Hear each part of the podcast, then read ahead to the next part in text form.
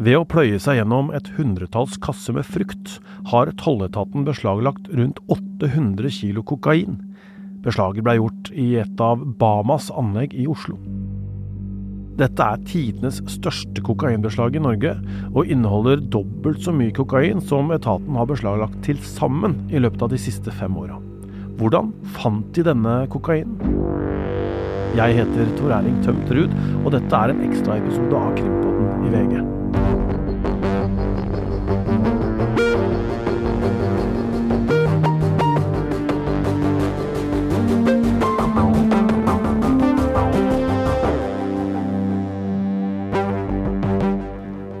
Det er grunn til å tro at hele partiet med frukt og narkotika kommer fra Sør-Amerika.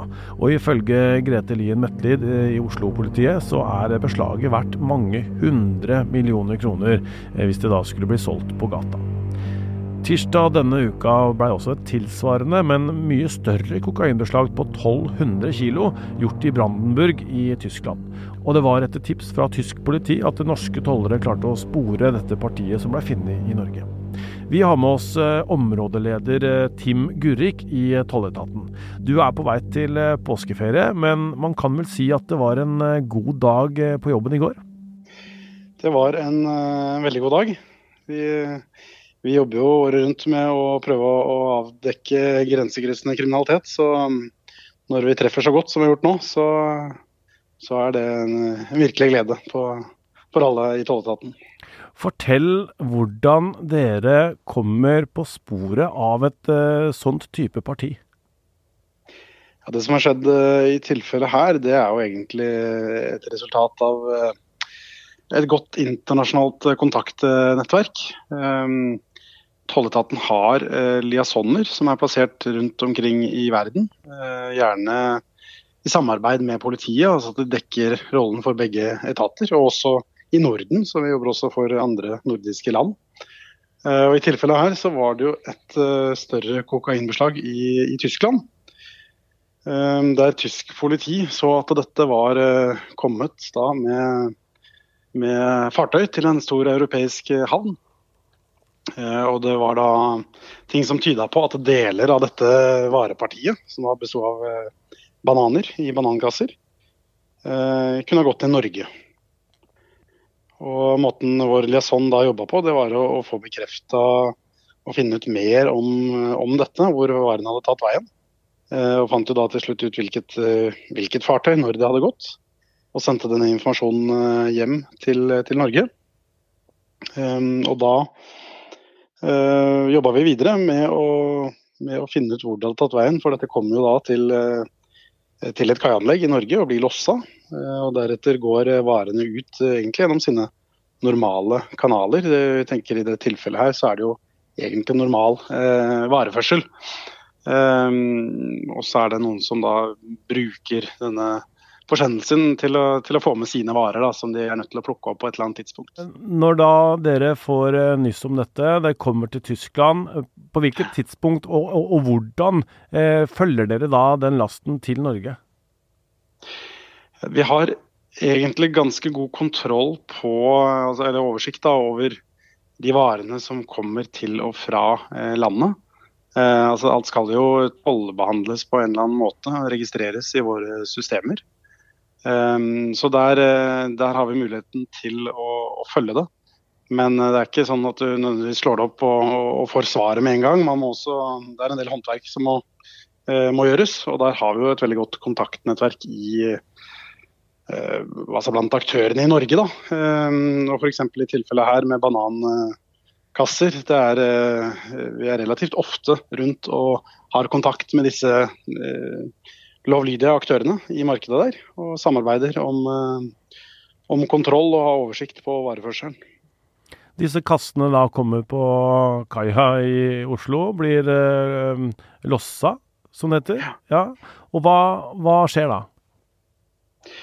Eh, det var egentlig at når vi fikk informasjonen fra, Tyskland, så, så, undersøkte vi hvor, hvor er disse varene nå. Altså, vi visste jo hvilket fartøy det var eh, gått med, men eh, veien videre derfra og hvor de er i landet. Det var det den store jobben besto i, egentlig. Så fort vi fant ut det, så reiste vi og gjennomførte en, en fysisk kontroll av disse varene da hos, hos Bama. Mm. Og, da, og, da, bruker vi jo altså vi har en rekke midler til å hjelpe oss med, med sånne kontroller. Det kan være hunder, det kan være gjennomlysningsutstyr osv. Og, uh, og her var det jo mange hundre kasser som man manuelt måtte søke da, for å ende opp med det. Ja, det var et titalls kasser hvor vi så, så avvik. Mm. Hvordan uh, søker man da? Uh, nei, det, det, blir å se og, og, leite, rett og slett. Uh, systematisk. og så bruker vi gjerne, som jeg nevnte, gjennomlysningsutstyr for å kunne gjøre jobben litt mer effektiv. og det var jo tidlig så vi at her, her er det kokain. Eh, og da har vi egentlig ikke noe dårlig tid eh, med den jobben som skal gjøres. Da, da har vi veldig kontroll på situasjonen. Det var ikke noe dramatikk rundt, eh, rundt dette. og når vi da til slutt ser at det her er det betydelige mengder, så stanser vi også arbeidet og tilkaller politiet. Og så, så er det egentlig krimteknisk i stor grad som, som gjennomfører selve Altså tar stoffet ut, veier, gjør alle de undersøkelsene som de normalt gjør. da. Hva, hvordan var denne kokain gjemt? Den, eh, den, lå i kassene blant bananer. Eh, altså midt i kassa med bananer på sidene. Um, og har nok ligget der eh, pakka sånn fra avsenderlandet, rett og slett. Hva veit du om på en måte veien denne kokainen har gått? Eh, den har eh, nok gått eh, det vi, det vi antar er at dette kommer fra Ecuador opprinnelig. Gått via en større europeisk havn i utkanten av Rotterdam, antageligvis. Og så har det nok blitt lossa om da, på kaia der. Hvor det har gått da partier til ulike deler av Europa. Og nå er det jo dette kjempestore beslaget på, på 1200 kg som er gjort i, i Tyskland, som er offentlig. Eh, og så er det ting som tyder på at det også kan være andre steder i Europa hvor, eh, hvor det har gått partier. Men eh, en større del har også gått da til, til Norge. Mm. Og så havner disse kassene på Bama. Altså Det er jo den, den vanlige frukt- og grønnsaksformidleren i, i Norge. Eh, mm. Er det sånn at disse kassene da kunne på en måte havna på, på Rema 1000, liksom, og så åpna den? Eller hadde det vært et system for å finne den kokainen, tror du? Altså, Det blir litt vanskelig å svare på. Jeg kjenner ikke interne rutinene på, på Bama, hva de, hva de, gjør. Og det er ikke sikkert det er Bama sine varer heller. Det, det er jo flere aktører som samarbeider om logistikken. Um, men i verste fall så Ja, nei, det blir litt spekulasjon, men uh, om det kunne havna uh, ute i hyllene. Mm. Poenget mitt er vel at det er vel noen som uh, venta disse varene, og hva, hva vet dere om det? Ja, Der må jeg nesten eh, henvise til politiet i denne konkrete saken. Men, eh, men, det er klart, eh, ved denne type smugling så, så må jo varene plukkes opp på en eller annen måte. Og det er jo da tilhører sjeldenheten at den legale vareførselen har noen, noen rolle i det. Men at det er noen som laster det om bord og så prøver å ta det av på, på et eller annet tidspunkt. Mm. Dette ble veid til 800 kilo. Hvor mye er egentlig 800 kilo kokain? Ja, Det siste tallet jeg hørte fra politiet der var 820 kilo. Så det, eh, det kan man jo regne om selvfølgelig i brukerdoser og verdi osv. Og, så og da tror jeg man kan ende opp med litt forskjellige, forskjellige tall. Det som også skal sies er jo at eh, det er ikke uvanlig at uh, råstoffet som, eller produktet som kommer til Norge, at det blir eller til Europa. At det blir eh, blanda ut eh, og gjort noe med før det, før det selges videre. Men det er, jo, det er, jo, eh, et enormt antall eh, brukerdoser vi, vi, snakker om her. Det er det. Og det har ikke vært noe lignende beslag tidligere? Nei, det forrige rekordbeslaget vi hadde, det var på rundt 150 kg. Er fra 2015 på Mo tollsted. Um, og det vi har Eh, dette beslaget det er egentlig dobbelt så mye som det samla beslaget tolletaten har gjort de siste fem årene. Så den, eh, det, det, setter det litt i perspektiv hvor, hvor stort dette enkeltbeslaget er. Det nettverket som du snakker om, dere har folk i forskjellige land, og dere samarbeider med og, og også land. Hvordan syns du det virker? Nei, det, det, har vi veldig god erfaring med, og det er noe som har bygd opp som sagt, mellom, gjennom mange år. Og så er det jo ufattelig store volum av varer som krysser grensene hver eneste dag i, i, i, alle land. Så utfordringen er jo å finne ut hvor, hvor nåla i høystakken er hen. Men det internasjonale samarbeidet det gir oss veldig mye på, på etterretningssiden å jobbe med. Og det er klart de, de virkelig store beslagene eh, som gjøres eh, i Europa, det er jo gjerne på de større, større havnene.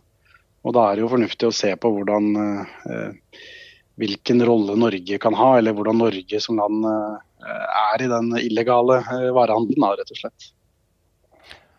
Så dette samarbeidet da resulterte i eh, norgeshistoriens største beslag av eh, kokain denne gangen, da? Ja, det gjorde det rett og slett. Det var helt uvurderlig. Den informasjonen som vi fikk fra vår mann i, i Berlin og tysk eh, politi og toll, ikke minst. Hva slags konsekvens eh, har dette for måte, den organiserte kriminaliteten som, som fører dette stoffet ut på, på gata?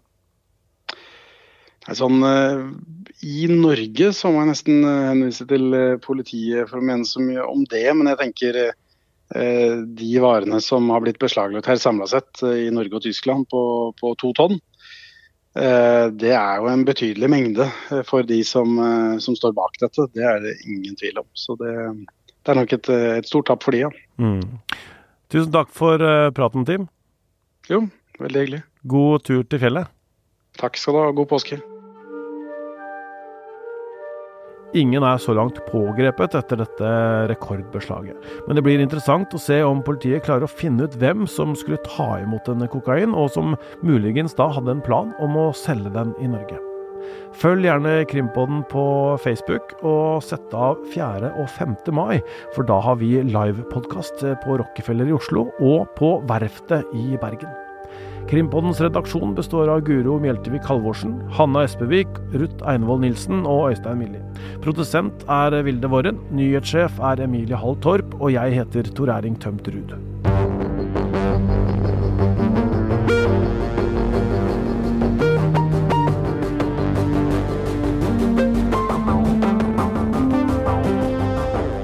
Du har hørt en podkast fra VG. Ansvarlig redaktør, Gard Steiro.